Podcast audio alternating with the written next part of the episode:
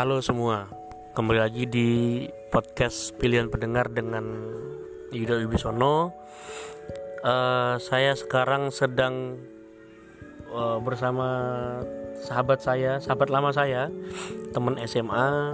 Dulu pernah juga satu band tapi nggak jadi. Sama band wacana ya? band wacana, sama Mbak Restika. Gimana kabarnya Mbak Restika? Alhamdulillah baik. Apa kegiatanmu akhir-akhir ini? Masih sama kayak dua tahun yang lalu masih jadi budak korporat lah. budak korporat? Oh, ya ya biasa ya mungkin kayak orang-orang kerja di televisi kan begitu ya. Orang-orang kerja di televisi gitu. Nah eh, kamu dalam rangka apa sih ke Jogja? Sebenarnya ke Jogja tuh eh, pernah sih waktu itu sekali waktu ada acara TKMT yang temu kangen mahasiswa televisi itu itu tahun 2000 berapa gitu lupa lah 2014 atau 15 gitu. Nah mulai dari situ tuh kangennya minta ampun sama Jogja walaupun nggak ke mana-mana tapi rasa kangennya tuh kayak ayo dong harus balik lagi dan yang kedua selain rasa kangen rasa penasaran pengen ngelihat art jok oh Arjok art jok ha. jadi gue telan banget uh, ada waktu senggang nih di korporat ya iya korporat korporat oke oke oke akhirnya ya udah akhirnya uh, memberanikan diri ke sini untuk beberapa hari ke depan. Untuk art jok sih sebenarnya. Aku tuh ini ya agak-agak apa eh, pernah ya itu tadi lihat-lihat lihat di Instagram itu ada satu karya menurutku tuh entah itu karya apa gitu entah itu video art entah itu film entah itu apa gitu. Tapi itu bagus maksudnya aku nggak tahu judulnya tapi menurutku itu ya keren lah kamu mungkin bisa menjelaskan itu apa sih sebenarnya agak-agak surreal gitu menurutku ya Iya, iya, iya. Eh, itu tuh sebenarnya kalau eh, apa judulnya ya mungkin ya. Itu tuh Nina Bobo. Jadi ada seorang teman juga Sohib. Sohib Karib ya Karib. Sohib Karib jurusan musik dia. Namanya Zahra Zelvi Triasti ya gitu. Panggilan akrabnya Ambut. Jadi dia anak musik yang mau TA. TA-nya itu ya itu dia bikin musik-musik gitulah. Nah, tapi dia pengen juga ada videonya gitu. Akhirnya dia coba minta eh, apa sharing lah. Tik apa kita bikin apa gitu. Dia sedikit dia ngasih gambaran kalau kayak gini-gini gimana. Ya udah akhirnya sharing dan kebetulan dibantu juga sama DOP-nya ada Gangga Lauranta. Di situ emang kita ngeklop gitu oh ya udah kita karena memang dari isunya yang si Ambut ini pengen angkat adalah cerita tentang apa ya seseorang yang di diputer-puterin sama suara-suara di mimpinya lah. Oh, suara-suara gaib lah iya suara-suara gaib gitu. Ya udah akhirnya kita bikin ya udah eh, temanya fantasi aja gitu. Bener-bener eh, apa yang nggak per eh, lo lihat atau lo alamin di kejadian nyata nah imajinasi imajinasi itu lo tuangin di karya itu gitu. Ada apa sih ada manusia dengan kepala kuda terus ada dengan topeng panda ada apalagi gitu. Dan mereka mengajak main seorang perempuan gitu. Di situ tuh karakter perempuannya tuh sebenarnya kebingungan. Ini gue lagi di mana? Ini gue Iya, tidur apa apa emang nyata gitu loh. Dan sebenarnya tuh dia nggak mau sendiri istilahnya gitulah gitu. Gue gue adalah seorang manusia yang tidak ingin hidup sendiri. Gue pengen punya temen tapi temen gue ternyata cuma ada dalam mimpi. Oke. Gitu. Dan dia baru sadar temen-temennya di dalam mimpi pun berniat jahat sama dia. Kayak gitu sih intinya. Terus didukung sama musiknya. Musiknya emang bagus banget sih si Ambut ini. Terus sama apa ya kondisi alam di padang panjang Ah, yang kad- ya, kadang kabut, Berkabut, Ah, ya, ah, berkabut- itu kabut. itu keren banget ya udah alhamdulillah jadi sih itu keren banget gitu Nah, maksudnya aku kan kenal kamu juga cukup lama ya, cukup lama tapi kita jarang berinteraksi. Mungkin karena satu dan lain hal ketika kamu naik kelas saya tidak naik kelas gitu ya. Ket- Iya, ketika kamu naik kelas aku tidak naik kelas gitu. Terus maksudnya eh aku melihatmu sekarang tuh memang jauh memang jauh berubah. Ya. maksudnya secara secara secara apa secara fisik jelas secara pola pikir sangat sangat jauh berubah. Eh, kira-kira apa sih yang tidak berubah dari kamu? Apa ya? Oh yang yang nggak berubah itu jadi orang yang ini kali ya yang terlalu pengen ikut campur masalah orang. Nah iya itu tuh tuh itu lagi eh, dalam se- setahun ini lagi berusaha apa ya itu namanya ya memperbaiki diri kali ya, Ya, ya, karena eh, ya teman-teman deket yang deket banget selalu bilang gini lu tuh orangnya ini banget sih peduli banget sama orang gitu. Ini bukannya so so eh, baik nih aja gitu cuma memang memang kadang kadang suka ngerasa gitu. Mungkin Yudi pernah ngerasa Ya, ya, ya. ngerasain ketika kita kita eh, tulus gitu pengen bantu seseorang kita bantuin masalahnya sampai kelar. Tapi memang ternyata kita ada kita tuh di- ditakdirkan Tuhan sebagai solusi. Iya iya. Tapi- fungsi manusia. tapi tidak sebagai cuma jadi solusi gitu. Tapi ketika kita mau orang lain jadi solusi kita Nggak bisa, bisa, bisa. gitu nah lagi kayak gitu lagi maksudnya masa sih harus gue gitu itu sih sifat itu Oke. Dulu dulu ini ya. Sebenarnya gini, podcast ini kan judulnya kan pilihan pendengar. Nah, pilihan pendengar itu aku sebenarnya ngambil ngambil apa ya? Aku tuh ter termotivasi membuat judul itu. Kok di, di kota kita tuh di Bukit Tinggi itu ada namanya Bimantara FM dulu. Ngerti ya Bimantara FM ya? Nah, Bimantara FM itu punya yang namanya em, apa? Pilihan atensi. Jadi eh, orang kalau mau request tuh pakai nulis gitu nah. Dulu nulis nulis gitu nah. Nah itu sebenarnya aku buat itu karena untuk melacak eh, apa sih sebenarnya love song love song zaman zaman segitu gitu nah. Nah kamu kan juga pernah jadi vokalis band wacana nih.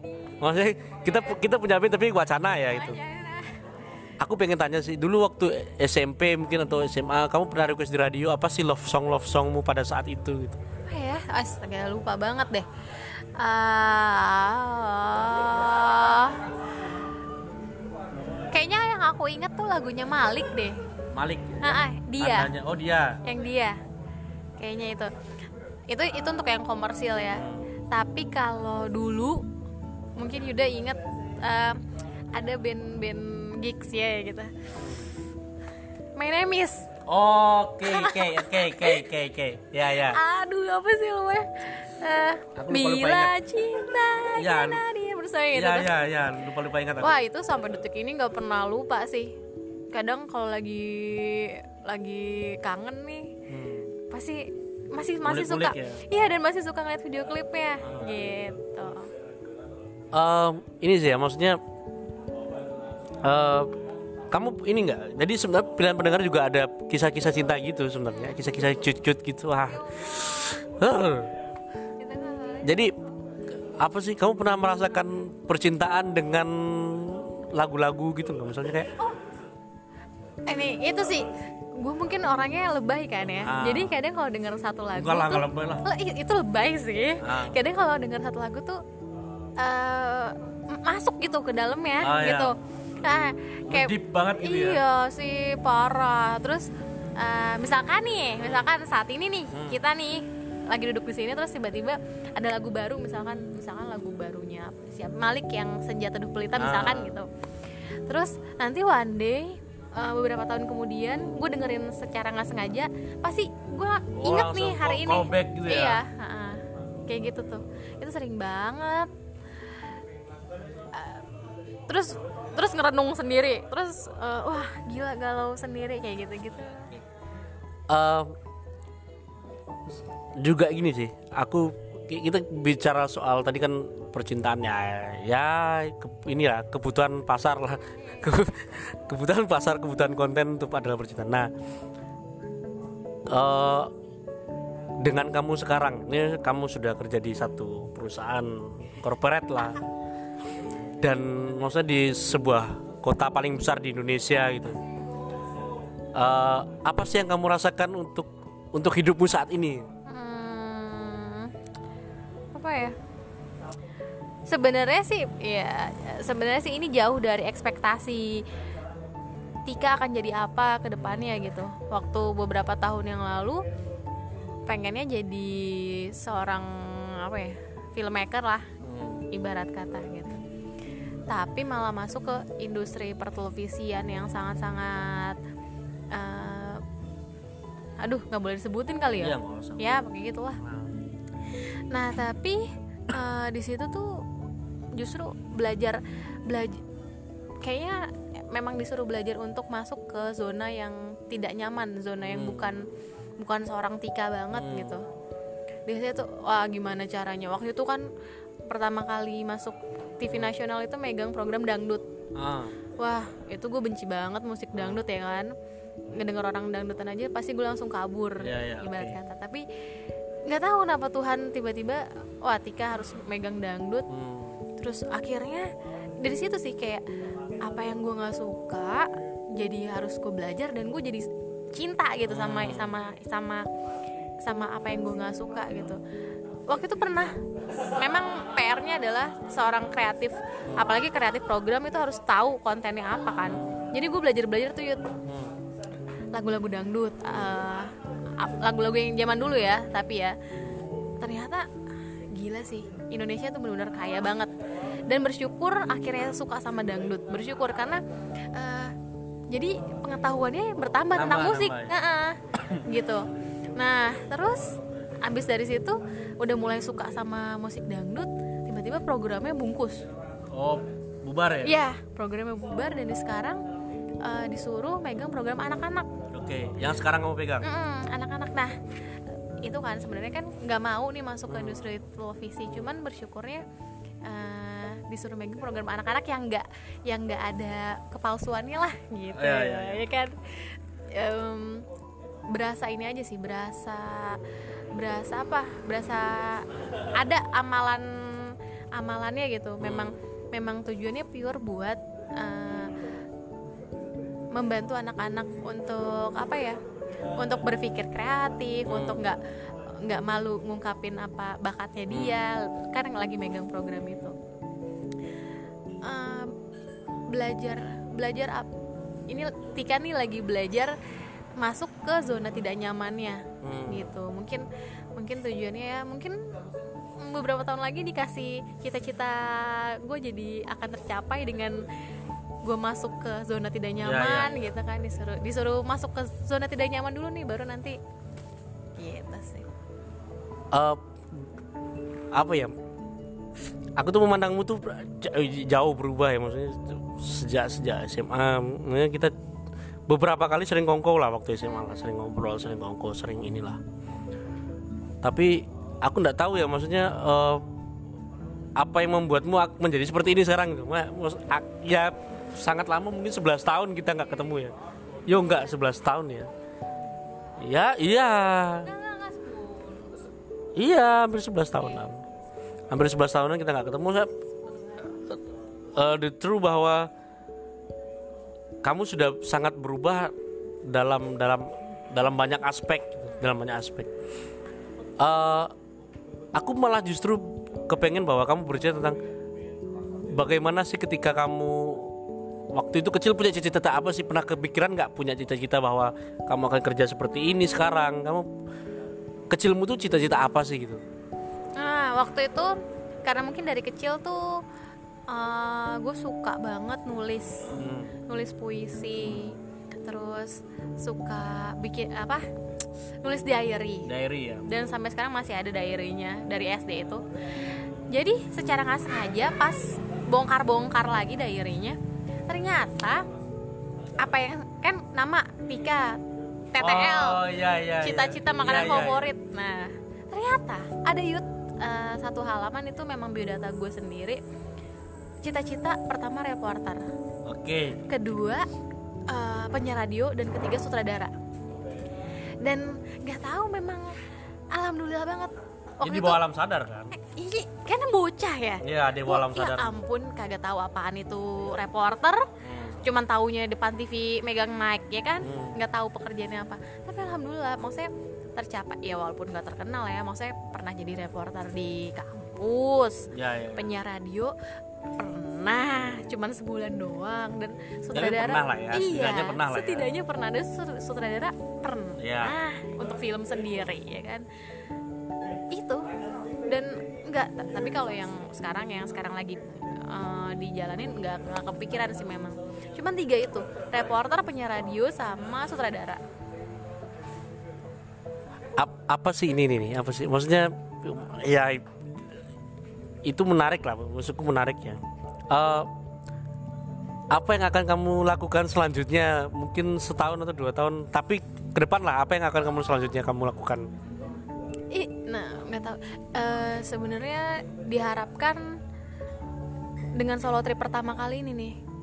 Ini kan solo tripnya Restika Nurdelia Sarya pertama kali Ya. nih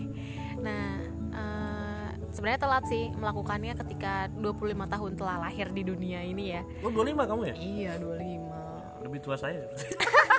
Iya makanya.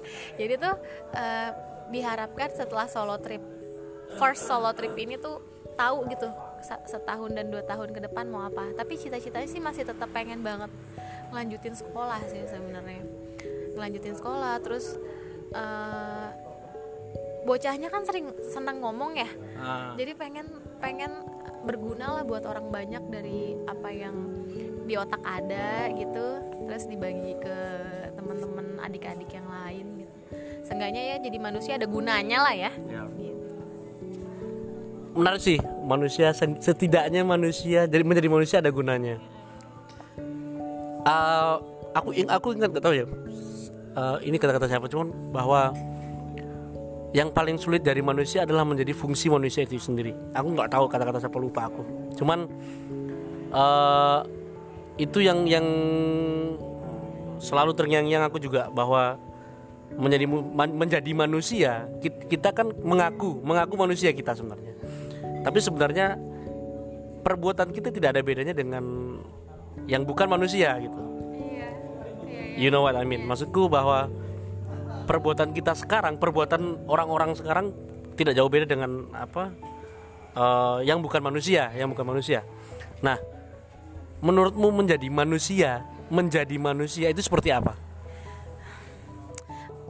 Seharusnya ya ini lagi-lagi bicara seharusnya nih tapi eh, rasanya kalau iya ya manusia eh, pengennya sih ya pengennya tuh fokus sama sama dirinya sendiri dulu sebenarnya. Bener bener kata orang-orang. Kalau lo mau mencintai seseorang lo harus cintain dulu diri lo. Ketika lo udah tahu cara mencintai diri lo sendiri baru lo bebas Iya, iya. mencintai orang lain seperti apa. I- ibarat kata nih misalkan eh, cewek sama cowok. Cowoknya yang suka ngomong eh, jangan lupa makan ya jangan lupa makan ya. Itu hal hal simpel kan hal kecil dan mungkin basa-basi mungkin tapi dia sendiri orangnya telat makan. Dia sendiri nggak perhatiin makannya. Sakit sendiri. Iya. Terus buat apa dia bilang biar dibilang perhatian banget nih cowok Kan, nah maksudnya seharusnya jadi manusia tuh harus kenal dulu sama dirinya sendiri gitu. Gue itu siapa sih? gitu. Dan gue tuh orangnya kayak gimana sih? Kalau lu udah kenal terus lu udah paham sama diri lo sendiri baru deh lu ngurusin orang lain gitu loh. Jadi nah kan banyak banget ngejudge orang gampang. Itu juga buat gue sendiri sih sebenarnya. Mudah. Misalkan dari tampilan eh ini gondrong eh, terus ceking wah nih kayak preman nih gitu. Itu lagi belajar juga tuh belajar gimana caranya untuk buang jauh-jauh itu prasangka ya prasangka negatif gitu loh ke orang. Dan biarin aja orang mau ngapain gitu loh. Itu kan hak mereka mau ngapain. Asal kalau misalkan mereka sudah bilang maksudnya di luar norma atau segala macam ya tugas kita kan mengingatkan aja. Dia setuju atau enggak ya udah. Seenggaknya kita jadi manusia ya udah udah mengingatkan terus eh, apa ya nggak nggak usah macem-macem deh nggak usah nggak usah ngerasa paling bener gitu. Karena manusia pasti pusatnya salah. Yang maha bener kan ada pasti ada cuma Iya, satu. iya, iya. nah itu sih. Seharusnya manusia tuh nggak usah nggak usah ruwet lah ya. Aja udah jalan. Bangun tidur terus eh, mandi terus sarapan terus apa belajar. Hmm. udah nggak usah nggak usah nyenggol nyenggol orang gitu. Ya nggak sih? Mungkin mungkin bisa karena karena menurut gini eh, aku tuh pernah kamu nggak tahu ya kamu pernah di berada di posisi itu tidak itu aku tuh pernah merasa di posisi bahwa ada satu orang nerima apa maksudnya orang terkenal gitu orang terkenal dalam satu festival apa apa, apa. aku jadi kayak skeptis gitu loh. Ya apaan sih gitu loh. Maksudnya hidup tuh tidak tidak tidak tidak kayak gini gitu kalau aku gitu maksud aku pernah berada di posisi itu bahwa skeptis itu perlu akhirnya. Tapi juga lambat laun berkembang berkembang itu bahwa aku juga mikir bahwa apaan sih aku skeptis gitu? Itu kan orang hidup orang lu. Kamu mau cerita kita tentang hidup orang nggak penting-penting amat. Untuk apa sih untuk kita? Skeptis pun nggak ada nggak ada gunanya untuk skeptis gitu kan. Eh, kamu ini nggak sih kak? Maksudnya pernah pernah apa ngerasa bahwa hidup itu sebagai apa hidup itu sebagai apa gitu pernah?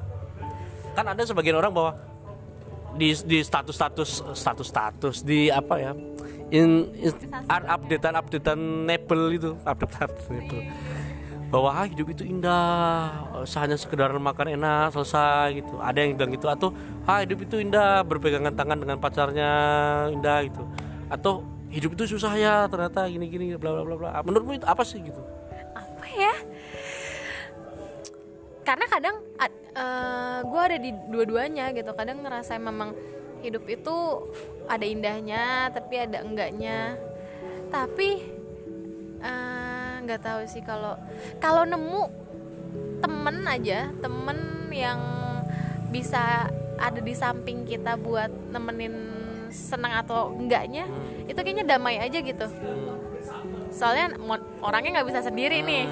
Jadi maksudnya ada orang aja di samping nih kalau lagi ngedown udah oke tenang aja jadinya gitu jadi nggak orangnya nggak ini banget sih nggak terlalu waduh hidup gua iya ya hancur tidak gitu. terlalu memikirkan soal itulah Iya, ya asal ada masih ada orang yang nemenin aja satu Ah. temen gitu udah santai aja Oke, ini mungkin pertanyaan terakhir ya. Pertanyaan terakhir juga. Se- Selama mungkin 11 tahun kita nggak ketemu, apa yang berubah dari saya dan apa yang berubah kamu lihat aku sekarang tuh bagaimana? Iya, tadi sudah ada yang aku mengutarakan bahwa aku melihat perubahan dari kamu. Apa yang sih kamu lihat perubahan dari aku atau menurutmu aku yang sekarang tuh bagaimana? sih? Apakah sangat sombong atau sangat egois atau sangat apa gitu? Mungkin kan ada yang Iya, iya, iya. Tadi pas pertama kali ketemu Yuda tuh langsung teng gitu langsung Yuda yang dulu Hmm. langsung kepikiran Yuda yang dulu Yuda yang dulu ya dari fisik iya pastilah ya nah tapi Yuda yang dulu tuh em, saya kalau gua nggak salah ingat ya yang meledak-ledak. Meledak-ledak yud. Lo tuh dulu yang dari ekspresi aja kalau ngomong tuh wah Ngotot ya? iya ngotot banget. Bener. Kayak orang ngajak berantem. nah iya. Wah mukanya ini banget eh, kenceng banget dah. Ya. gitu. Nah tapi sekarang yang nggak tahu mungkin bawaan ini kali ya bawaan geografis kali ya. Ketika lo di bukit tinggi Hmm. Makan lu ini kali pedes semua. Jadi kenceng lo ya. Terus pas nyampe di tanah Jawa yang adem ayem ya ke bawah jadi adem ayem gitu. Tapi eh abis itu gue langsung berpikir mungkin sisi positifnya ketika lo waktu masih SMA yang meledak-ledak dan ambisius itu berdampak sama sekarang ya lo punya tempat gitu loh. Hmm. lo punya tempat lo berdiri di mana lo nggak bingung lagi lo ada di mana. Mungkin itu kali ya. Perlu juga kali ambisius waktu muda gitu loh. Mungkin mungkin. Masih muda juga kan oh sekarang ya oke. Oke Yuda yang menganggap dirinya masih muda. Memang masih Oh, muda. iya, iya sih. itu lu dulu tuh kalau ngomong meledak-ledak. Pasti dan beberapa kali gue dengar pas Yuda ini orangnya sombong. Hmm. orangnya sok ini sok itu. Hmm.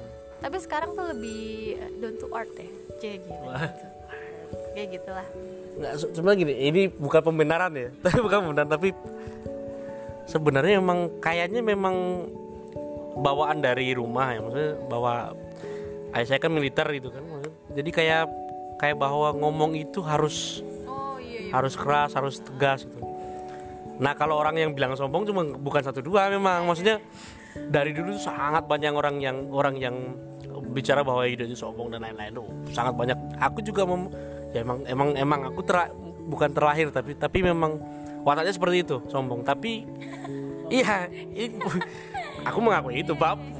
Mending mengakui lah. Tapi maksudnya gini eh, kadang-kadang memang eh, ketika orang belum kenal siapa kita kita orang belum kenal siapa kita ngejudge itu biasa.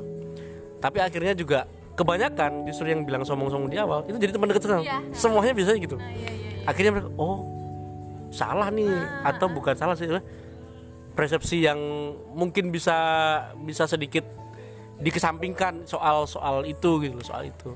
Eh yuk satu lagi nih. Eh, gue itu Hmm. dicap eh, cewek ini hedon. Ya oke. Hedon dan matre. Hmm. ya kan? Itu entah dari mana eh, apa kali apa eh, apa ya predikat itu muncul. Hmm. padahal kalau mereka tahu dan sering nongkrong bareng gue doyan banget apa belanja di pasar baru Hmm. yang second second dari kuliah aja. Eh, jangan dari SMA aja suka di pasar Hmm. butik beli yang second second kadang gitu tuh kadang dari mana ya Eh, gue hedonnya? Padahal eh, punya tas Hermes aja enggak gitu tas yang Gucci aja enggak oke oke. Gitu loh. Kadang kadang predikat orang muncul bingung juga gitu dari mana ya? Kalau mereka tahu gue adalah orang yang suka banget sama barang-barang jadul barang-barang terus eh, nggak nggak yang terlalu branded gitu. Itu sih kenapa ya? Kenapa ya, ya, itu itu sebenarnya maksudku bahwa orang itu kan bisa melihat bahwa secara look secara look ya orang kadang-kadang melihat oh look look orang ini ah look look. Kadang-kadang manusia itu sok tahu untuk membaca orang lain. Oh ini kali. Doyan menerka-nerka manusia lebih suka menerka-nerka daripada diterka. Iya memang. Manu- ah, jadi gini kayak manusia itu gini. Kalau disuruh lu pernah ngerjain ini? Kamu pernah merasa bahwa pelajaran bahasa Indonesia dulu? Waktu SD gitu.